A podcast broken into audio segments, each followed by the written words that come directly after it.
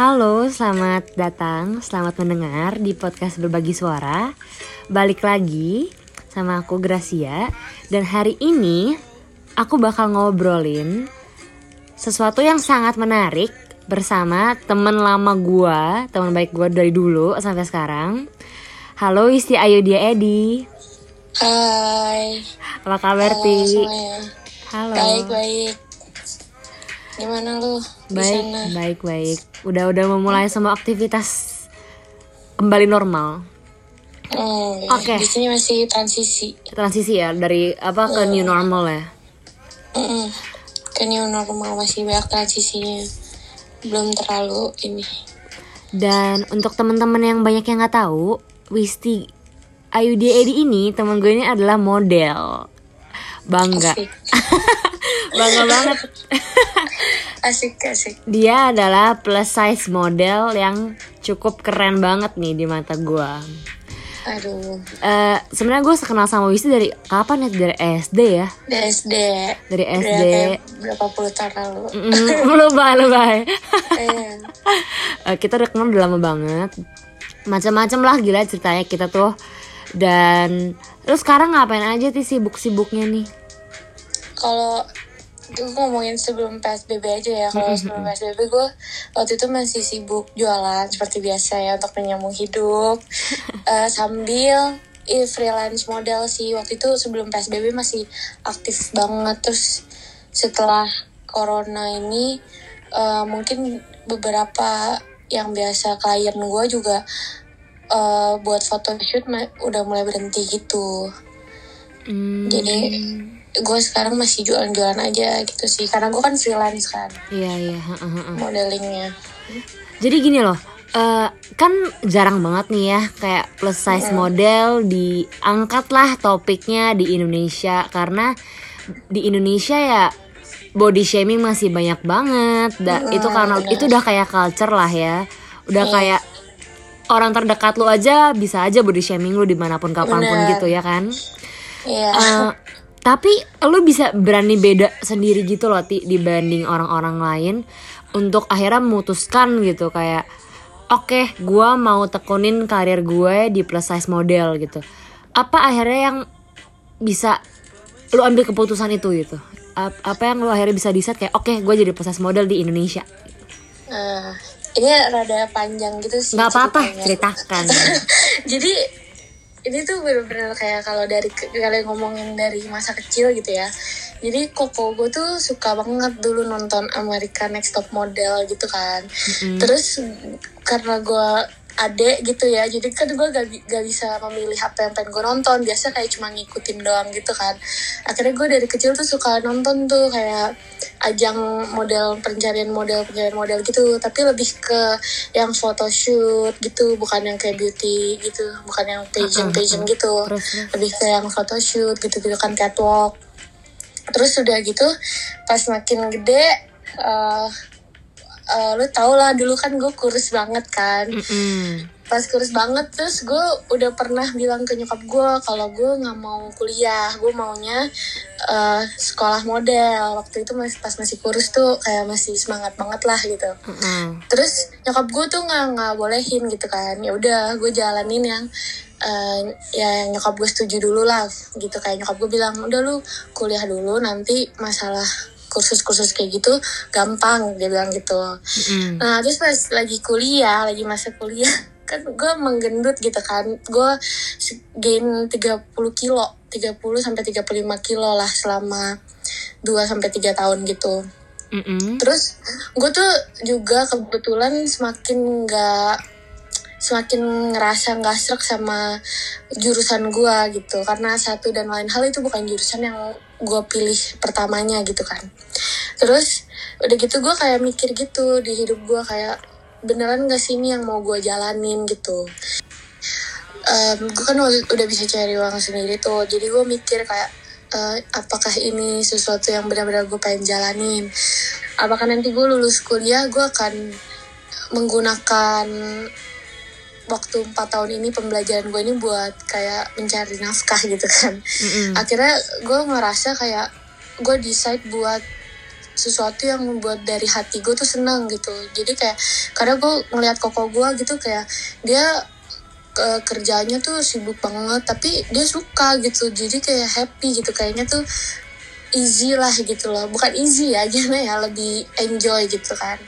Terus gue akhirnya memutuskan untuk um, ngambil sekolah model tapi yang plus size. Dan itu gue juga biaya sendiri gitu. Jadi memang waktu itu nyokap gue juga masih belum kayak ngapain sih? gitu loh. Masih yang kayak ngapain sih lo? gitu.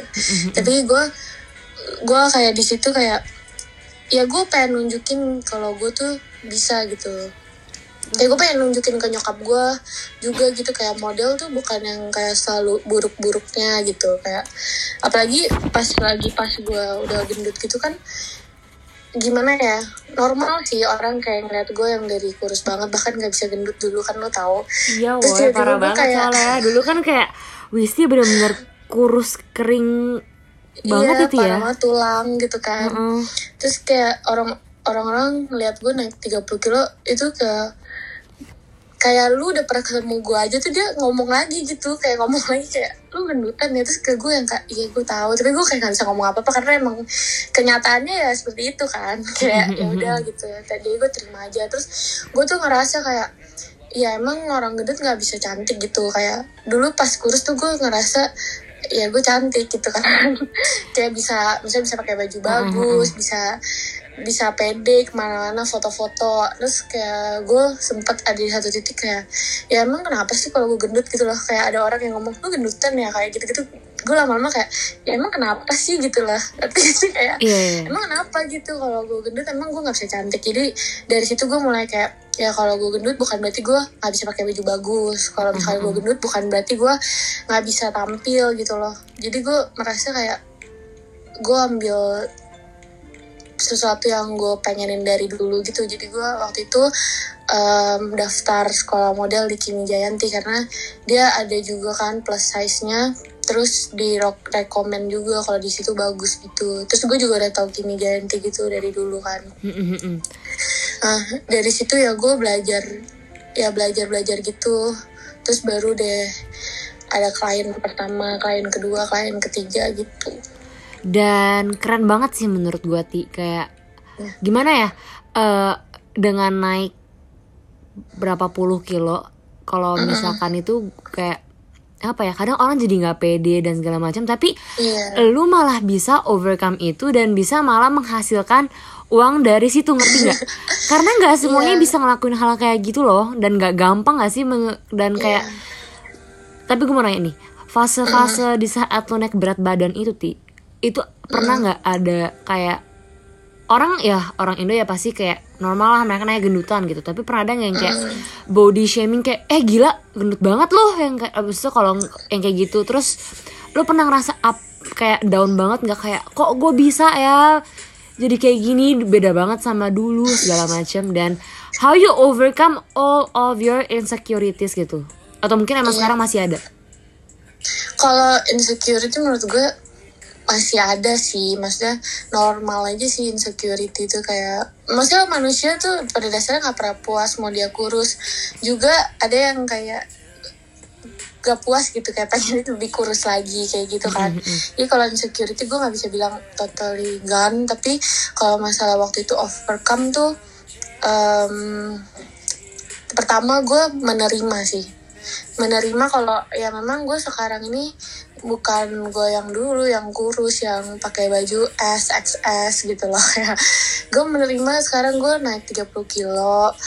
Gue menerima mohon maaf pantat gue yang gede paha gue yang gede gitu Iya, kan. menerima kalau memang ukuran gue se- segini. Jadi memang di bagian accept who you are itu susah menurut gue di situ kayak tantangan gue untuk tapi gue tuh orangnya kayak realita banget gitu loh kayak Hmm, buat apa gue ng- ngarep-ngarep gue bakal kurus lagi sedangkan gue bisa bersyukur apa yang sekarang terjadi gitu. Tapi kadang gue juga kayak mikir kadang eh, kan di IG gue kadang gue suka share gitu waktu itu. iya. Iya kayak tentang orang gendut bukan yang bi- nggak bisa cantik nggak bisa modis. Gue juga kadang bikin ini kayak apa sih kayak awareness. style style outfit gitu Oh, iya, buat yang orang gendut gitu kan. Iya. Nah terus dari situ juga banyak orang yang kayak uh, encourage gue gitu. Kayak gila lu ini ya bisa bisa tetap stylish bisa tetap ini. Jadi dari situ gue juga juga lebih gimana ya lebih kayak gue nggak nggak bukannya gue jelek loh. Kayak gue gendut bukannya gue jelek loh. Iya, jadi iya. dari situ gue setelah menerima gue mau nunjukin gitu kayak dan encourage orang-orang yang misalkan plus size kayak gue tuh kayak emang sih ada tuh baju-baju yang style modis tapi kadang orang tuh kadang orang eh, nggak pede gitu loh kayak aduh gue pakai ini lengan gue gede gitu kayak Mm-mm. aduh gue pakai ini paha gue kelihatan gede tapi di saat lu udah bisa menerima ya paha lu emang gede pantat lu emang gede tangan lu memang gede gitu tapi bukan berarti kita nggak bisa cantik kayak dari situ sih gue mulai menerima Jadi biasanya ya self acceptance lah ya. Iya, itu yang paling kayak nomor satu utama gitu. Dari situ kalau misalkan lu udah bisa menerima itu eh, selanjut selanjutnya tinggal let it flow aja gitu. Jalani saja hidup itu ya. Jalanin aja. Tapi Ti gue penasaran deh. Eh, dari lu kurus sampai sekarang yang maksudnya kayak udah jadi plus size model, Mm-mm. jujur lu lebih happy di fase saat kapan tuh? Nah, ini kan ju- jujur nih ya. Dan gue tuh orangnya kan kayak jarang sharing gitu. Jadi memang banyak orang tuh yang nggak tahu gitu kenapa gue bisa gendut gitu kan.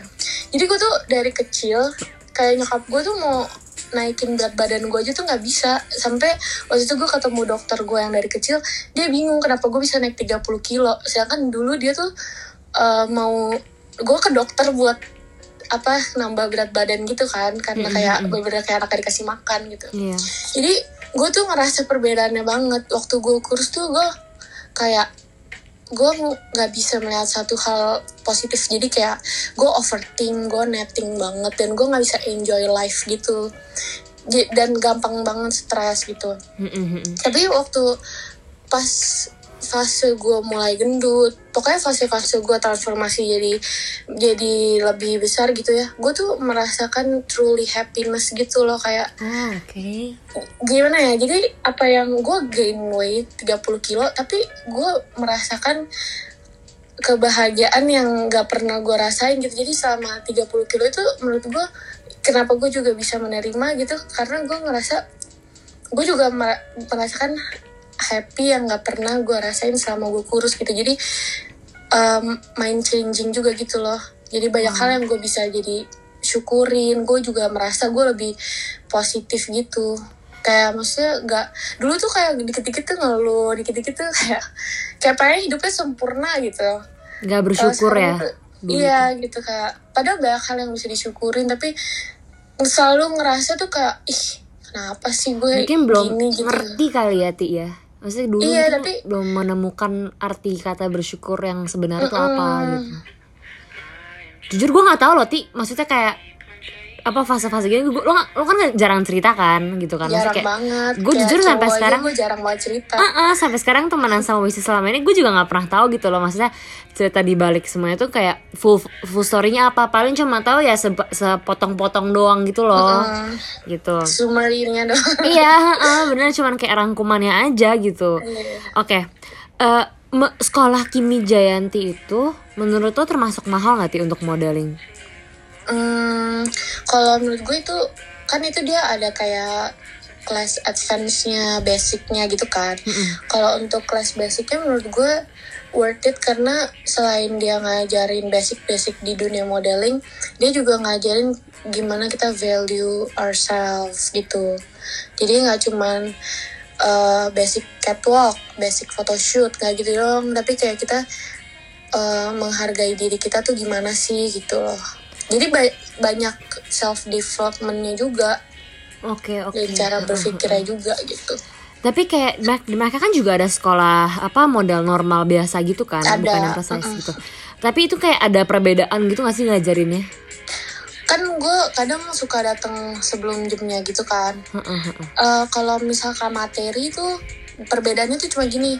Kalau kelas yang plus size itu cuma lebih sepi aja. Tapi ke keuntungannya kita lebih fokus dan lebih deket sama Gurunya. Miss Kim sama Miss Jan ya yang guru ngajar di situ.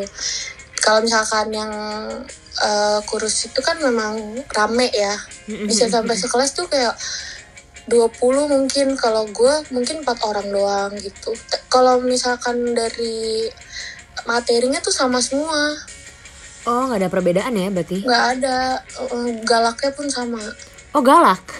Tegas. Karena jadi kalau kita kita jadi dia pernah ngomong ke gue gini banyak orang yang ngomong model itu uh, modal cantik modal modal badan Gampang, bagus ha, ha, gitu. ha, tapi dia sa- mereka selalu ajarin kita model itu juga pakai otak gitu. Jadi model tuh di jalan di catwalk juga harus mikir gimana nih bikin baju gue kelihatan bagus gimana nih gue bawain uh, bajunya nih sesuai desainernya gitu. Jadi dia selalu ngomong ke kita kayak model tuh nggak cuma apa yang dilihat tapi apa yang dipikirkan juga. Jadi sama-sama sama-sama kayak pekerjaan lain gitu loh.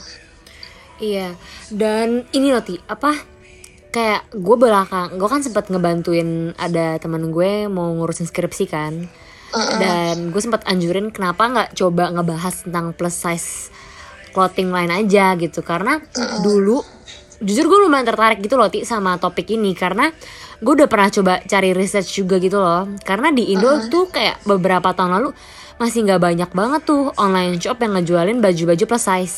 Dan Iya. sekarang ternyata tuh udah banyak banget kayak online online shop yang udah ngejualin baju plus size gitu loh yang kayak maksudnya baju-baju yang bener-bener dipakai orang biasa tapi juga ada Iya, ukuran besarnya banget dan iya. bagus-bagus juga gitu loh dipakainya. Jadi Iya. apa ya udah lumayan maju banget sih menurut gue tuh di Indo dibanding dulu ya. Iya benar.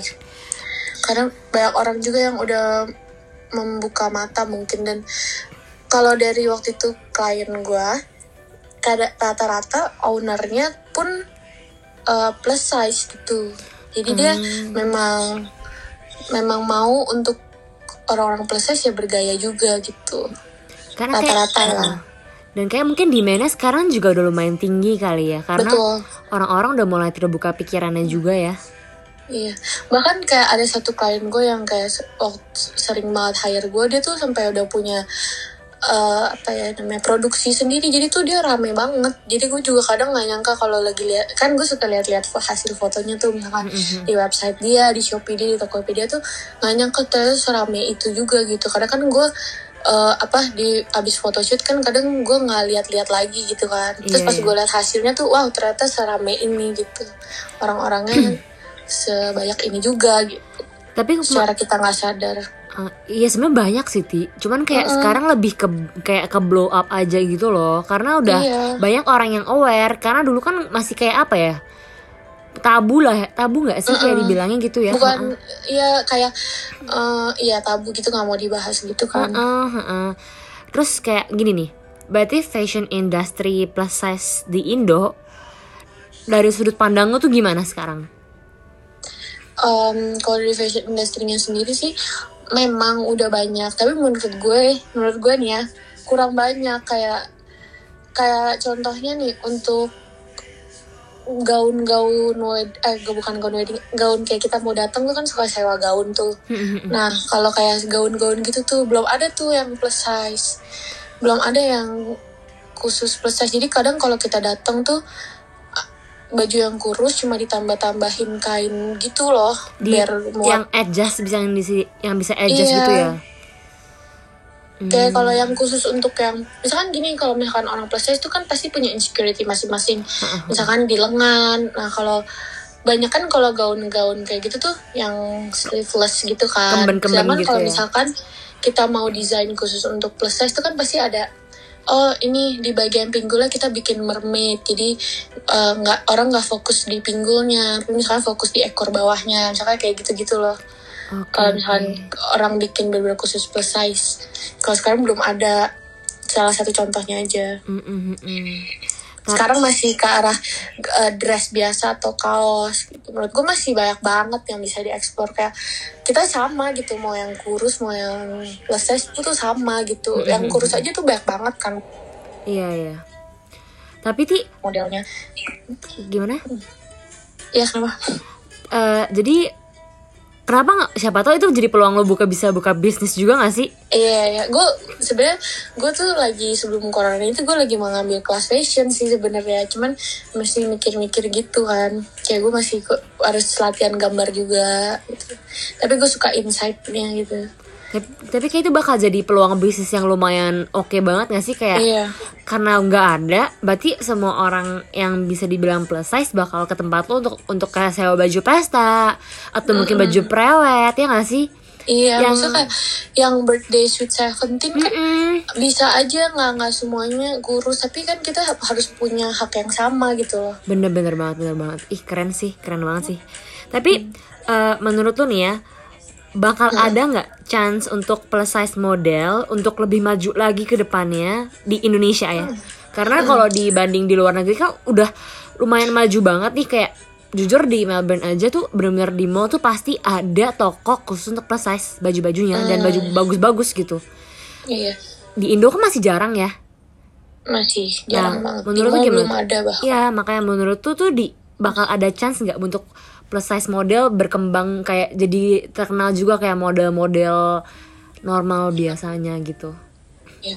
Menurut gue kan kalau di Indo tuh biasanya nih ya, biasanya tuh suka berkiblat sama orang luar. Jadi kalau misalkan di luar tuh udah kayak ngehits banget sampai populer nanti di Indo tuh jadi kayak misalkan jadi kayak wah keren ya nih plus size model nggak nggak semua yang uh, plus size tuh nggak bisa menunjukkan bakat mereka gitu.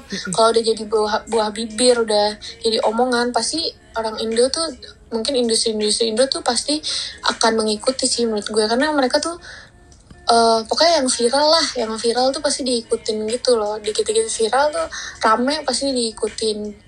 Jadi masih luas banget, masih banyak banget mung- kemungkinan untuk berkembang jauh lah. Kalau sekarang walaupun masih masuk tuh istilahnya masih seujung kuku gitu. Mm-mm. Kayak gue pernah nonton deh ada kayak ada bride apa buat baju-baju bridal gitu khusus untuk orang plus size. Jadi mereka re- ada ada reality show-nya kalau nggak salah. Hmm, Dan sebelum di di luar ya. Mm-mm, Dan sebelum gua ngomongin ini tuh sama lo, gue tuh sempet research kan, Eh, gimana sih plus size model di UK, di Melbourne, di Australia segala macem. Pas gue buka ya ti ya, kayak emang bener-bener mereka tuh semua cantik ti, ngerti gak sih? Iya, mm-mm. Bener-bener cantik-cantik gitu loh. Mereka nggak kalah ya menurut gue sama aja gitu. Iya, harusnya punya hak yang sama, punya apa ya kesempatan untuk stunning gitu loh, stand, stand out sama gitu, hak, hak yang sama. Iya gitu. semuanya punya right yang sama gitu menurut gue, nggak boleh dibeda-bedain kan. Iya, Keren banget sih. Bener. Tapi gimana? Lo mau ngomong apa tadi? iya. Cuma kalau di Indo tuh, em, kalau industri itu kan biasanya mengikuti demand dari masyarakat kan. Jadi karena kalau di Indo tuh istilahnya masih gini nih, masih baru aja membuka mata menghargai orang-orang yang plus size gitu. Tapi belum belum terlalu kenceng nih demandnya istilahnya tuh gitu. Hmm, Cuman untuk orang-orang yang ngerti, orang-orang yang mengikuti, em, dia ya kayak yang owner klien gue gitu, dia tuh juga plus size, makanya dia bisa uh, buka clothing line untuk plus size gitu. karena dia lebih ngerti lah ya sebenarnya. Iya, dia tuh tahu kacamatanya lah istilahnya gitu. Mm-mm. Jadi eh, sa akhirnya apa yang bisa menginspirasi lu untuk melakukan semua ini ti? Kalau menginspirasi sebenarnya ini bukan dari geli tapi kayak inspirasi sebenarnya dari diri gue sendiri ya. Jadi kayak Keren. kayak gue capek untuk mm, meratapi kayak gue sedih meratapi gue gendut gitu jadi kayak ada untuk seperti yang gue ngomong untuk menerima itu kan memang gak gampang dan proses ya Mm-mm. jadi ada momen-momen di mana kayak buat apa sih gue kayak ngarepin nanti gue kurus lagi. Kalau gue gue begini tuh juga bisa bahagia bahkan lebih bahagia dari dulu. Banyak hal yang bisa gue syukurin sekarang. Dan yang terpenting tuh banyak orang yang ngomong ke gue lu lu kalau gendut bahaya loh nggak sehat loh. Iya gue tahu banyak banget yang ngomong gitu tapi kalau mereka tahu kehidupan gue gue tuh waktu kurus tuh parah banget gampang banget lebih gampang banget sakit. Naik naik motor aja naik motor aja nih. Besok ada gue masuk angin bro. Jadi gue ngerasa sekarang gue tuh justru lebih lebih gampang sehat gitu loh. Lebih imunnya tuh lebih kuat gitu.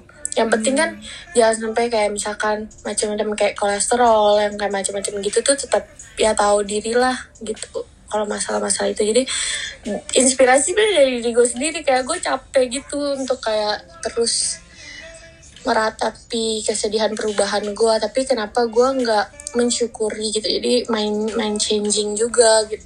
Jadi dan gue pengen orang-orang tuh lihat gitu kayak ya dulu gue mi- misalkan gitu kalau dulu gue cantik gue sekarang juga bisa cantik gitu. Bener kayak banget, dulu gue suka pakai pakai baju bagus sekarang gue juga bisa pakai pakai baju bagus gitu. Lebih ke arah gitu sih jadi pertama kali gue upload upload styling baju itu cuma pengen nunjukin. Siapa bilang um, cewek curvy tuh nggak bisa nggak bisa gaya kayak lu gitu gaya soalnya tuh kayak yang julid kan rata-rata orang-orang yang dulu temen-temen gue yang kurus gitu loh. Oh ya? Bukan temen sih rata-rata bukan temen sih maksudnya kayak eh, temen tapi yang bukan temen nongkrong gitu. Mm-mm. tahu kan? Tapi jadi tuh kayak suka komen. sebenarnya berarti itu yang ngejelekin lu yang menjatuhkan lu tuh sebenarnya orang-orang terdekat lu dong ya secara nggak langsung? Eh, temen lebih ke arah temen lingkungan gitu sih temen-temen yang satu lingkungan. Hmm. kalau temen deket nih kayak temen deket sahabat gue sih nggak sahabat gue sendiri nggak pernah nggak pernah ngomongin itu sih. Maksudnya nggak pernah negatif gitu loh ngomongnya. Kayak ya udah gitu at- at- as long as you happy gitu. Yang penting lu enjoy lu nggak sakit-sakitan juga gitu. Lebih ke arah gitu. Teman-teman lingkungan aja sih apalagi yang jarang-jarang ketemu. Terus em, biasa nih ya orang-orang tua ah. Yang udah tua gitu. Mohon maaf tapi kadang keluarga gue tuh omongannya lebih menyakitkan dibandingkan teman-teman gue sih. Pasti lah. Kalau temen iya kayak lu you know lah kayak karena mereka masih Tahu. close minded sih menurut gua. Iya Ya, maksudnya bukan keluarga lu ya aja, kayak- denger. Mm, kayak kayak semua orang tua deh kayak mikir ya karena mereka Iya. close minded belum bisa terbuka pikirannya ya monoton gitu loh ti jadinya mereka tuh anggap kalau gue gendut tuh gue kayak penyakitan gitu Grace kadang. Kayak masa gue gendut nih wah gila nih langsung di kayak matanya tuh kayak ada scanner kolesterol berapa triglycerid berapa gitu loh kayak. Ini tuh gak bagus jadi kayak langsung gitu loh kayak ngomonginnya. Tapi kan kadang ya gue juga nggak sadar gue bisa sampai gain 30 kilo juga kadang gitu. Jadi dulu di kosan gue nggak ada kaca Grace oh karena itu kah? Jadi gue nggak pernah ngaca gitu loh. Bener-bener nggak ada nggak ngaca. Jadi terus kayak oh my god ternyata gue udah gendutan. Terus kan pertama-tama gendutannya cuman kelihatan tembem pipi doang. Badan masih biasa aja blablabla gitu. Tapi sampai akhirnya 30 kilo tapi ya udahlah maksudnya kayak dengan lu 30 kilo akhirnya Visi bisa beli rumah teman-teman di umur Oh, 21 tahun. Amin. dengan Ya, karena juga situasi sampai- seperti itu dia bisa beli rumah. Di saat teman-teman Iya. yang lain masih kuliah dia udah bisa beli rumah teman-teman. Kayak keren banget. Aduh ya itu juga kata Tuhan ya. Itu juga gue grace lucu. Itu gue do sebelumnya tuh gue doa loh. Dan bener-bener besokannya tuh random banget. Nyokap gue suruh gue liat rumah dan dia nggak mau ikut gitu. Terus ternyata dia suruh gue beli gitu dia kayak encourage gue juga kayak lu bisa gini gini gini kayak buat apa uangnya? Iya. Dibuang-buang gitu untuk makan. Jadi dia lebih ngarahin gue untuk invest gitu. Keren sih keren banget kayak dengan apa ya dengan yang 30 kilo tapi bisa membukakan pintu-pintu lain yang sama ini iya tertutup nggak bener. Sih bener keren banget itu iya kan hal kayak yang harus selalu bisa disyukurin kadang yang mungkin kayak apa ya masalah beban yang kita lihat parah ternyata tuh mungkin aja ke depannya malah bisa membukakan apa ya pintu-pintu yang nggak pernah Lain. terbuka lagi ya heeh. yang nggak pernah kita sangka, sangka ah, bener banget gitu. Mm, mungkin emang udah jalannya Tuhan seperti itu kita Iya. dibawa ke stage itu ya karena Tuhan mau bawa kita ke itu karena Tuhan punya rencana jauh lebih besar untuk hidup kita gak sih? Iya, kadang gue tuh mikir kayak ini kan gue tuh bukan perta- bukan awal bukannya pas gue gendut baru pengen jadi model kan. Gue tuh dari kecil tuh udah diasupin tuh nonton American Next Top Model gitu-gitu loh. Jadi Mhm. ini tuh udah mimpi gue tuh dari kecil gitu terus gue kadang bingung kenapa Tuhan mengizinkan gue untuk belajar uh, belajar sekolah modeling itu pas gue gendut gitu. Tapi kadang dari Instagram gue yang gue suka share orang-orang suka um, jawabin kayak ya mereka kayak mereka sendiri belum bisa menerima kayak gue tapi mereka suka bacain cerita-cerita gue kadang gue tuh mikir mungkin kalau gue kurus pas gue gue modelingnya kurus ya gue cuman menyenangkan diri gue sendiri gitu tapi hmm. kalau mungkin sekarang mungkin gue bisa jadi bisa jadi motivasi untuk mereka atau mungkin cerita gue membuat mereka seenggaknya nggak sedih gitu loh dikatain temen-temennya misalkan gitu atau kayak di atau kayak kadang kita kan suka ngedown gitu bayangin. Kenapa sih gue harus gendut? Pernah sih kayak gitu. Kalau gue kurus pasti gue cantik. Kadang pasti ada gitu hmm, pikiran-pikiran kayak gitu. Tapi gue suka sharing kayak yang pertama itu accept yourself gitu itu sih. Tapi dengan kayak gini lo malah jadi mungkin ya rencana Tuhan mungkin uh. ini kayak dengan kayak gini lo jadi berdampak lebih ke banyak orang gitu. Mungkin iya, kalau pas jadi modal kurus kayak ya udah berdampaknya mungkin buat 10 orang tapi dengan kayak gini mungkin bisa jadi 100 orang ti. Uh, ya gak sih? Iya. Iya terus lucu tuh kan gue orangnya um, agak susah sharing gitu kan tapi kalau misalkan masalah untuk menerima diri sendiri kayak gitu gitu tuh gue kayak ngetik tuh kayak udah ngetik aja gitu kayak nggak pernah ada hold apa-apa gitu. Kayak itu yang gue rasain dan gue pengen orang tahu. Kayak banyak orang yang ngerasain sama kayak gue gitu loh. Mm-hmm. dan gue pengen tahu itu hal yang kita kita tuh bisa gitu tunjukin ke mereka. Kita juga keren gitu gitu sih. Jadi uh, dari yang gue dapet sama ngobrol sama lo ya uh. meneri self acceptance menerima diri sendiri itu sangat penting untuk salah satu cara overcome your insecurities ya. Iya. yeah dan mm -mm, dari kes dari apa ya dari semuanya itu lo harus ngeliat sisi baiknya dan mungkin bakal ada jalan Tuhan yang bahkan Tuhan bukakan ke lu ya gak sih? Mm, walaupun lu tuh kayak nggak pernah ngerti, nggak pernah tahu, nggak pernah ngebayangin. Kayak gue pas kursus mana pernah ngebayangin gue gendut bener gak? Hmm, bener banget. Dulu kayak kayak, aduh beneran deh. Dulu tuh isi tuh kurus banget ampun. Iya sampai dokter gue tuh waktu itu gue ketemu lagi dia kayak bingung gitu. Bener-bener dia bingung. Karena dia juga dulu gak gak gak gak bisa bikin gue gendut. Tapi kayak ya udah berarti happiness lah ya yang bikin itu kan tapi karena ya itu tapi karena hati juga dari dalam hati lu tuh kalau lu happy lu enjoy life gitu loh. Beda aja sama dulu gitu orang-orang buat gue bahkan banyak kayak bikin gue pengen gendut. Tapi kalau dari hati jujur gue dulu gak ngerti happiness gitu loh. Gak bisa bersyukur gitu. Jadi menurut gue ngaruh juga. Berarti hati yang gembira adalah obat tuh bener ya? Iya bener. Hmm. ngaruh. Keren deh. Suka banget sumpah. Jadi keren banget gitu loh kayak gak pernah dengar cerita full ya kan? Jadi pas udah pas dengar cerita full yang kayak wah gila sih lo ti keren banget. Iya ya udah lama juga loh ya ini kita udah setengah jam lebih ternyata ti. Iya panjang uh -uh, jadi I think it's enough for today episode. Thank you banget ya Wisti buat iya, waktunya iya, sharingnya. Mungkin ini apa podcast kali ini bisa berguna untuk teman-teman yang mungkin yang sekarang ngerasa insecure atau ternyata kalian juga lagi naik berat badannya. Jangan pernah apa ya berkecil hati gitu. Kayak mungkin dengan kayak gini kalian bisa melihat sesuatu yang positif nantinya ya nggak sih Ti? Benar. Uh-uh. Yang penting terima diri sendiri dulu aja. Jadi berdamai dengan diri sendiri dulu. Oke, okay, thank you so much ya Ti. Yeah. Uh, Oke, okay. makasih untuk yang udah dengerin podcast berbagi suara. See you on the next episode. Bye bye.